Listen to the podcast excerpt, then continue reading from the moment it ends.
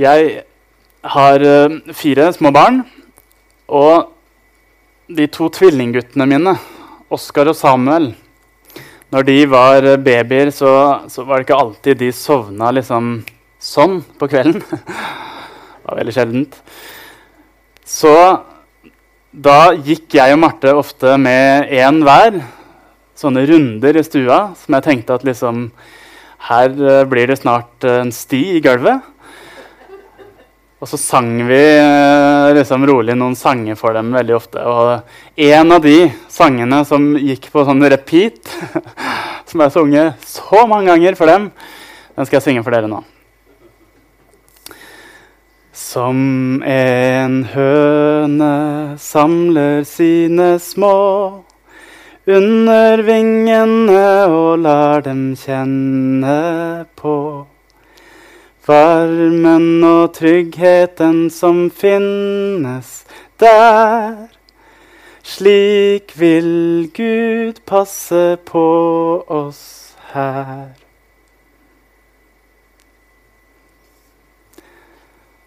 Og sånn ønsker Gud at det skal være. Han tegner bildet av høna og kyllingene og oss som kyllingene. Sånn ønsker han at det skal være. Så er spørsmålet ønsker vi at det skal være sånn.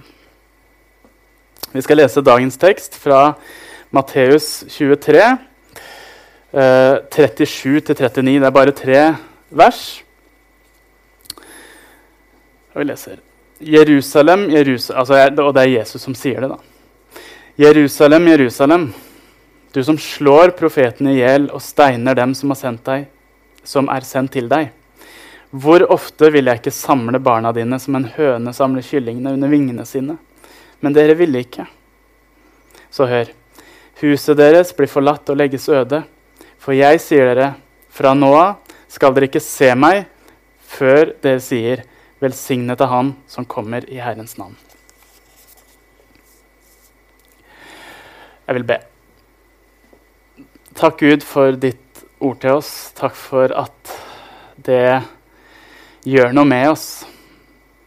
Takk for at ditt ord er levende, sånn at det kan møte oss i dag der vi trenger det. Takk for at det er evig, at det, det forandrer seg ikke selv om vårt samfunn forandrer seg, men likevel så møter det oss midt i det vi står i. Jeg ber om at vi skal få være lydhøre nå, at du skal gjøre det stille i oss, sånn at vi kan få eh, ta imot det du har å si. Og så ber jeg om at hvis mine ord eller hvis det er noe jeg sier som er feil eller ikke bra, så, så må det bare falle bort, og vi må glemme det. Um, og så må vi sitte igjen med det du vil at vi skal sitte igjen med. Vi legger alt i dine hender, Jesus. Amen. En ganske kort tekst i dag. Tre vers. Eh, men det står ganske mye her, egentlig, eh, og mye mellom linjene, vil jeg også påstå, som kanskje ikke er så lett å forstå uten at vi har satt oss litt inn i det. Så jeg tenkte at vi først kan se litt på konteksten eh, som det står i. Og eh, så tenkte jeg at vi skulle gå igjennom liksom, teksten litt mer sånn eh, eh, linje for linje, før vi da bruker litt tid på slutten på å snakke om hvordan eller hva det har å si for oss. Høres det ut som en plan? Overveldende respons. Det er alltid kjempeålreit. Det eh, setter jeg pris på. Den som tier, samtykker, eh, heter det også. Ja, Men jeg tenker vi gjør det sånn likevel. Teksten vår står i den konteksten at det skjer rett etter at Jesus rir inn i Jerusalem på palmesøndag. Og den dagen er det sånn at det er mange, jeg tror veldig mange, forventer noe litt annet enn det som skjer.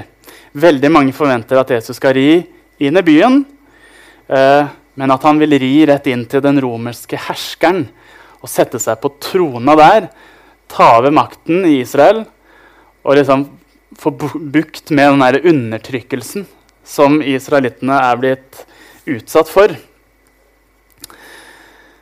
Uh, men så svinger ikke Jesus til venstre. Han svinger derimot til høyre. og rir inn mot tempelet. Fordi han var jo aldeles ikke kommet for å krige til seg noe makt, eller for å sette seg som en sånn type konge for Israel. Han hadde kommet for å være en annerledes konge, en annen konge. Um, og han var kommet for å gjenopprette menneskenes relasjon med Gud.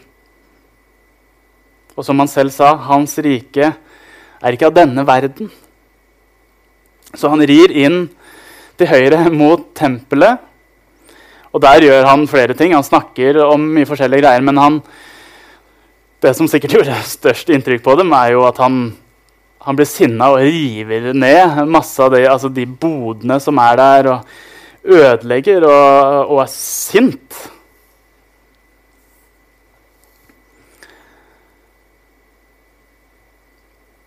Jeg tror noe av poenget hans med det er å si dette er Guds hus. Ikke gjør det vanskelig for folk å møte Gud.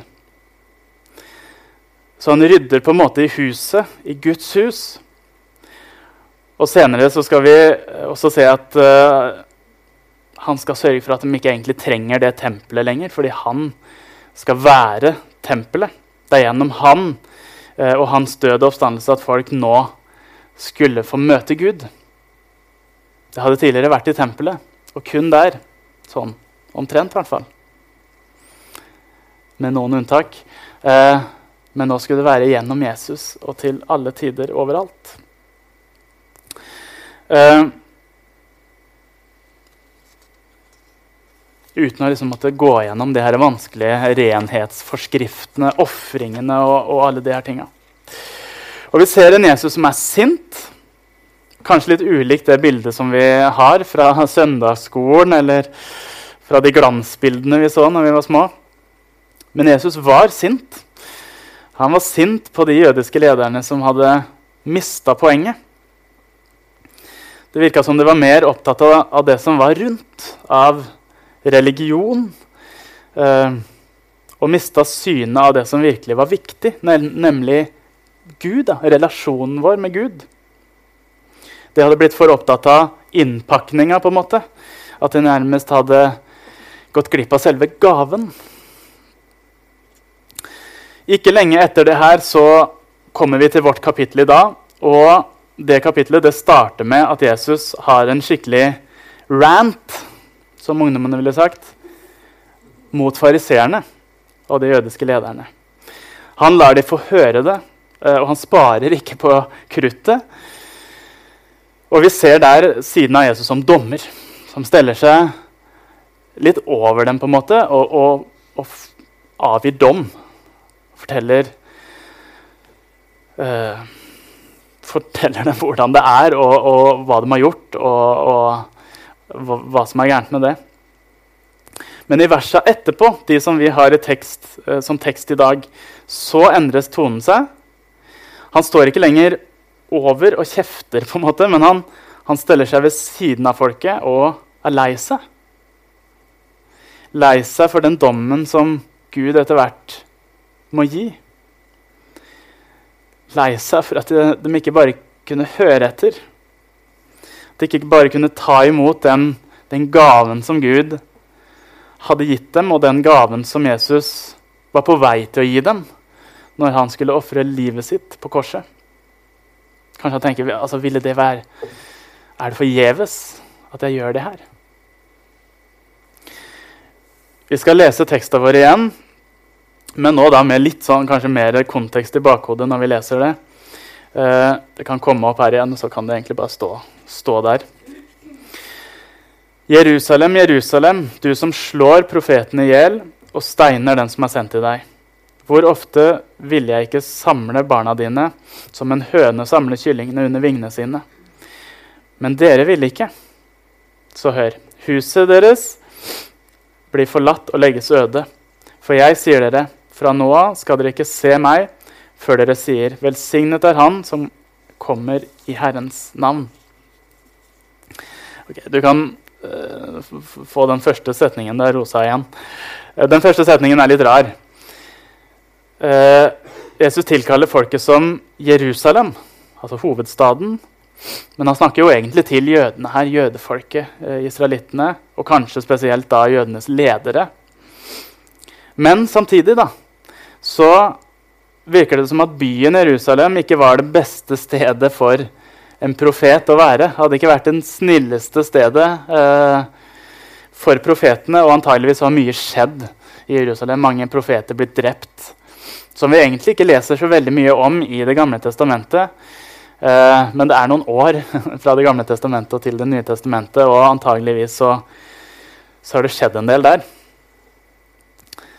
Så det er helt tydelig at Jerusalem det er et sted hvor eh, profetene kommer og blir behandlet dårlig. i hvert fall. Uh, og Senere skal vi lese at Stefanus og flere blir steina og drept da for sin tro på Jesus. Så han vil gjøre et poeng ut av at Jerusalem ikke er en profetvennlig by, men først og fremst så prøver han å si noe til hele det jødiske folket. Og poenget tror jeg var i lang tid så har Gud prøvd å møte dere. Gjennom masse, altså gjennom pakten med Abraham gjennom loven som Moses fikk, gjennom profetene. Men så kan vi egentlig lese altså Hele Det gamle testamentet er jo en hel sånn runddans. Om og om igjen så sier Gud 'kom til meg'. Og så gjør Gud det helt klart og ferdig og liksom gjør masse greier for dem. Deler havet sånn at de kan få gå ut der. og så blir fri fra egypterne, og så, og så, går de gjennom der, og så kommer de i øykenen, og så klager de, og så vender de seg bort fra Gud. Og så skjer det om og om igjen ikke sant? at Gud møter dem. De sier 'oi, så bra, takk Gud', eh, og så plutselig så er de på en helt annen vei. Det føler jeg er Det gamle testamentet oppsummert. Eh, og som Astrid leste fra profeten Jesaja i stad Gud sier, 'Jeg hadde svar til dem som ikke spurte.' 'Jeg var å finne for dem som ikke søkte meg.' Jeg sa, 'Her er jeg, her er jeg', til et folk som ikke kalte på mitt navn. Hele dagen rakte jeg hendene ut til et trassig folk som gikk fram etter sine egne tanker på veier som ikke var gode. En tydelig nesten desperat Gud som så gjerne ønsker å møte sitt folk, men de er ikke interessert. Og det fører oss til neste setning. da. I setning nummer to i teksten vår så ser vi Jesus sitt hjerte for folket. Hvor ofte vil jeg ikke samle barna dine som en høne samler kyllingene under vingene sine, men dere ville ikke. Og i Lukas så står det at Jesus gråt over Jerusalem på veien inn på palmesøndag. Det smerter Jesus å se det folket her som hadde blitt så glad i, ta så dårlige valg. Velge bort det som han vet at absolutt hadde vært det beste for dem. Ok, Et, et superforenkla eh, bilde nå. Jødene er ute på havet. Båten har forlist. Jesus er der for å kaste en livbøye til dem og dra dem opp i sin trygge båt. Men de vil ikke ta imot. Og ikke nok med det, men, men det er en gjeng der som prøver å overbevise de andre om at den bøylen her, den trenger vi ikke. Altså, Vi klarer oss helt fint. Hvem er du til å stå og fortelle oss hva vi skal gjøre? Og jeg skjønner at Jesus blir sint på den gjengen der. Og jeg skjønner at han blir lei seg. Bildet med høna som samler kyllingene under vingene sine, eh, det er inspirert fra Det gamle testamentet, eh, fra Salme 91. Og jeg syns det er noe utrolig vakkert da, med det bildet. Den kjærligheten og den omsorgen som en høne har for sine kyllinger, så finnes det noe tryggere og bedre sted for dem å være. Nei, jeg, jeg tror ikke det. Og finnes det noe tryggere og bedre sted for oss å være enn å leve livet vårt sammen med Jesus? Nei, jeg tror ikke det. De siste setningene i teksta, teksten skal jeg gå gjennom nå. Uh, litt fort står det her, men det blir sikkert ikke kjempefort. vet du. Uh, men vi kjører likevel. Så hør, huset deres blir forlatt og legges øde. For jeg sier dere, fra nå av skal dere ikke se meg før dere sier, velsignet er Han som kommer i Herrens navn. Med huset som blir forlatt og legges øde, så snakker, snakker nok Jesus om tempelet. Det skal ødelegges bokstavelig talt, fordi det ødelegges eh, fysisk i år 70. Men så er det nok noe mer med det. fordi det hadde tidligere også, altså I Det gamle testamentet så kan vi også lese om perioder hvor tempelet eh, ikke blir ødelagt fysisk, men hvor Guds nærvær forsvinner fra tempelet. Og jeg tror at det handler om også dette. da, At uh, ikke bare skal tempelet ødelegges, men, men, Guds nærvær skal forsvinne derfra. For det, det trengs ikke lenger.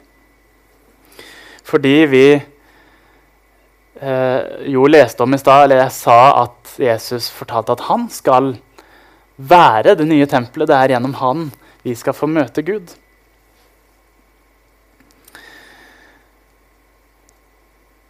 Og så er den siste setningen da, for jeg sier dere fra nå av, så, så, skal dere ikke se meg før dere sier 'velsignet av Han som kommer i Herrens navn'. Eh, her er det snakk om endetiden. Jesus skal en dag komme igjen, og da skal de igjen si sånn som de sa på palmesøndag. Velsignet være Han som, kom, som kommer i Herrens navn. Og om vi og de eh, da skal si det i glede og liksom takknemlighet fordi vi har tatt han imot, eller om vi skal si det med en litt sånn anger på at vi valgte å ikke gjøre det, det er opp til oss. Opp til den enkelte. Vi skal lese eh, at Paulus, i likhet med Jesus, også er lei seg på vegne av jødefolket. Eh, og han skriver det i Romerne eh, kapittel 9 og 10. Eh, fra Romerne 9,2 så sier han jeg bærer stor sorg i hjertet og plages uavbrutt. Ja, jeg skulle gjerne vært forbannet og skilt fra Kristus om det bare kunne være til hjelp for mine søsken som er av samme folk som jeg. De er israelitter, de har retten til å være Guds barn. Eh, og herligheten, pakten, loven og tempeltjenesten og løftene tilhører dem. De har fedrene, og fra dem stammer også Kristus, han som er Gud over alt velsignet i all evighet. Amen. Og så i kapittel 10.: Mine søsken, jeg ønsker av hjertet og ber til Gud at de må bli frelst. For det vitnesbyrdet gir jeg dem, at de brenner for Guds sak, men uten virkelig å kjenne ham. De kjenner ikke Guds rettferdighet, men vil bygge opp sin egen rettferdighet. Derfor har de ikke bøyd seg under rettferdigheten fra Gud. For Kristus er lovens ende og mål, så hver den som tror, skal bli rettferdig. Så dette går jo virkelig inn på Paulus også. Eh, jeg bærer en stor sorg, sier han. Og så sier han de brenner for Guds sak, men uten virkelig å kjenne ham. De har bare forstått, og de snakker kun om rammene, om innpakninga så har de gått glipp av gaven. For det er det han sier her. Greia er jo at vi virkelig kan få kjenne Gud på dypet. Og det tenker jeg liksom er, det er det som gjør hele forskjellen. Altså fra at jeg følger en religion og gjør de tinga som det står at jeg skal gjøre, følger de reglene til at jeg har møtt Gud og jeg tenker at jeg må jo bare leve livet mitt til, for, å ære han, fordi det er jo godt. Det er jo det jeg vil. Det er det eneste rette. Ok, Så bare komme kjapt inn på en liten Jeg vet hva. Det hopper jeg over. Nei, det var, var ikke noe poeng. Uh, men så har jeg liksom, jeg har snakka om jødene her. Og så er spørsmålet hva i all verden har det her med oss å gjøre? Og jeg tror allerede kanskje at du har tatt med deg noen ting da, eh, fra det, og jeg har kanskje røpt litt underveis òg. Og så tenker jeg kanskje vi ikke er sånn veldig forskjellige fra jødene heller, du og jeg. Um, så min utfordring da, til oss og, mitt spørsmål eh, sånn på slutten i dag Har vi Gud i sentrum? Eller er vi mer opptatt av de tinga rundt? Innpakninga, rammene, de ytre tinga. For egen del så kan jeg kjenne meg igjen i at noen ganger så kan det være litt lett å holde Jesus på avstand. En litt sånn arm, armlengdes avstand. Og snakke, ja, snakke om rammene, da. Eksempel eh, når jeg kommer hjem i dag til Marte og hun spør åssen var det, så kan jeg fortelle at jo, men det var fint. Det var en god gjeng der. og eh, Det var bra musikk, holdt jeg på å si. Det er jo veldig fint når det er jeg som står her og synger. Det var helt perfekt lyd, og ja, temperaturen i rommet ble grei etter hvert. Eh, gode kaker og sånn. Verst er at det, er ofte det jeg sier, ikke sant?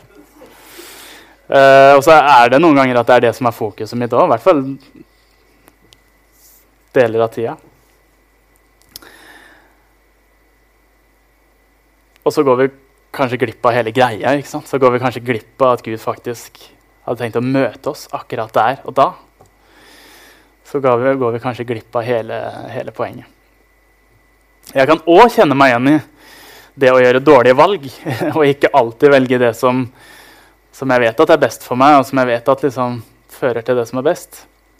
Det Gud egentlig liksom vil for meg. Og så sier jeg ikke det at liksom sånne feil det, det kaster meg ut av Guds favn. fordi jeg tror at Guds favn er uendelig vid. Men hvorfor liksom gå ut i og, og, og utfordre de grensene der? Eh, hvorfor holde seg ytterkanten der, når jeg egentlig vet at det beste er å være der helt i midten, nær Jesus? Og tenk på det at vi kan få, få lov til det da, å krøke oss sammen eh, og kjenne hans beskyttende vinger på en måte rundt oss, sånn kyllingene kjenner eh, hønemor sin, sin trygge, sine trygge vinger. Og der i hans nærhet så kan vi finne, tenker jeg i hvert fall, det beste livet. Det er der vi finner hvile, trygghet, håp, glede, frihet, frimodighet og alt det andre gode som han har for oss. Jeg skal be en bønn til slutt. Herre, takk for det du har gitt oss. Takk for at vi kan få kjenne deg på dypet.